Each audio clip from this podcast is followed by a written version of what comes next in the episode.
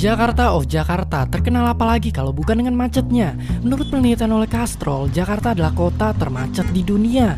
Tapi kemudian kita semua bertanya, seperti yang ditanyakan oleh Rahmat ini, kenapa Jakarta macet banget? Apa penyebabnya? Faktor pertama yang pasti adalah transportasi umum. Kita tahu sendiri, transportasi umum di Jakarta belum memadai. Masih banyak kendaraan umum yang dipaksa narik sama abangnya padahal mesinnya udah megap-megap. Kemudian selain itu faktor keamanan dan kenyamanannya sendiri masih belum terjamin. Kita harus siap waspada kayak si Skamling. Padahal kata Ahok, di Hong Kong aja 90% warganya pakai transportasi umum, sedangkan di Singapura dan Mumbai 50%. Jakarta miris sekali, cuma 20%. Oleh karena itu, masih banyak yang perlu dibenahi dari transportasi umum Jakarta. Nah, kemudian apa yang terjadi? Orang berlomba-lomba beli sepeda motor dan beli mobil pribadi yang angkanya naik terus setiap hari karena transportasi umum yang masih dianaktiri. Ujungnya kemacetan panjang.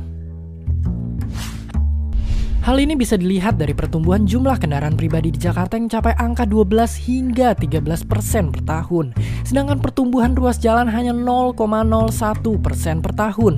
Itu artinya ada sekitar 6.000 kendaraan baru tiap harinya di Jakarta. Sedangkan panjang jalannya tetap segitu-segitu aja. Sangat mengerikan. Mirisnya lagi, udah jalan sempit masih aja ada mobil parkir sembarangan, angkot ngetem berjam-jam, sampai PKL nekat nerobos jalan. Ini artinya Satpol PP masih punya banyak kerjaan. Tak hanya itu saja, kemacetan pun dikontribusikan oleh daerah sanggahan Jakarta, Bodetabek. Pada tahun 2014, BPS mencatat ada 2,4 juta orang dari Bodetabek yang menjadi komuter ke Jakarta.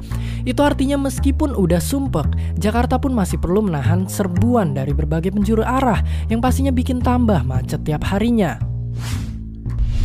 Tapi bukan salah mereka untuk mencari mata pencaharian ke Jakarta. Salah kita sendiri. Kita terlalu membangun apa-apanya semuanya ada di Jakarta. Akhirnya semuanya numpuk di sini. Harusnya pemerintah kita itu berani membangun Indonesia secara merata, nggak cuma di Jakarta. Gak mengherankan jika lama-lama orang di Jakarta ini pada stres. Ketertiban hanya dianggap sebagai konsep. Misalnya tahu sendiri lampu merah di Jakarta itu artinya lampu start untuk balapan. Belum lagi disusul sama Kopaja ugal-ugalan. Selain itu nggak cuma lalu lintas tapi juga ketertiban birokrasi yang perlu diperbaiki. Masih banyak mafia-mafia berdasi yang nyamar membela rakyat tapi kalau dikasih suap malah bilang terima kasih. Akibatnya bertahun-tahun sudah Jakarta menanggung beban yang perih.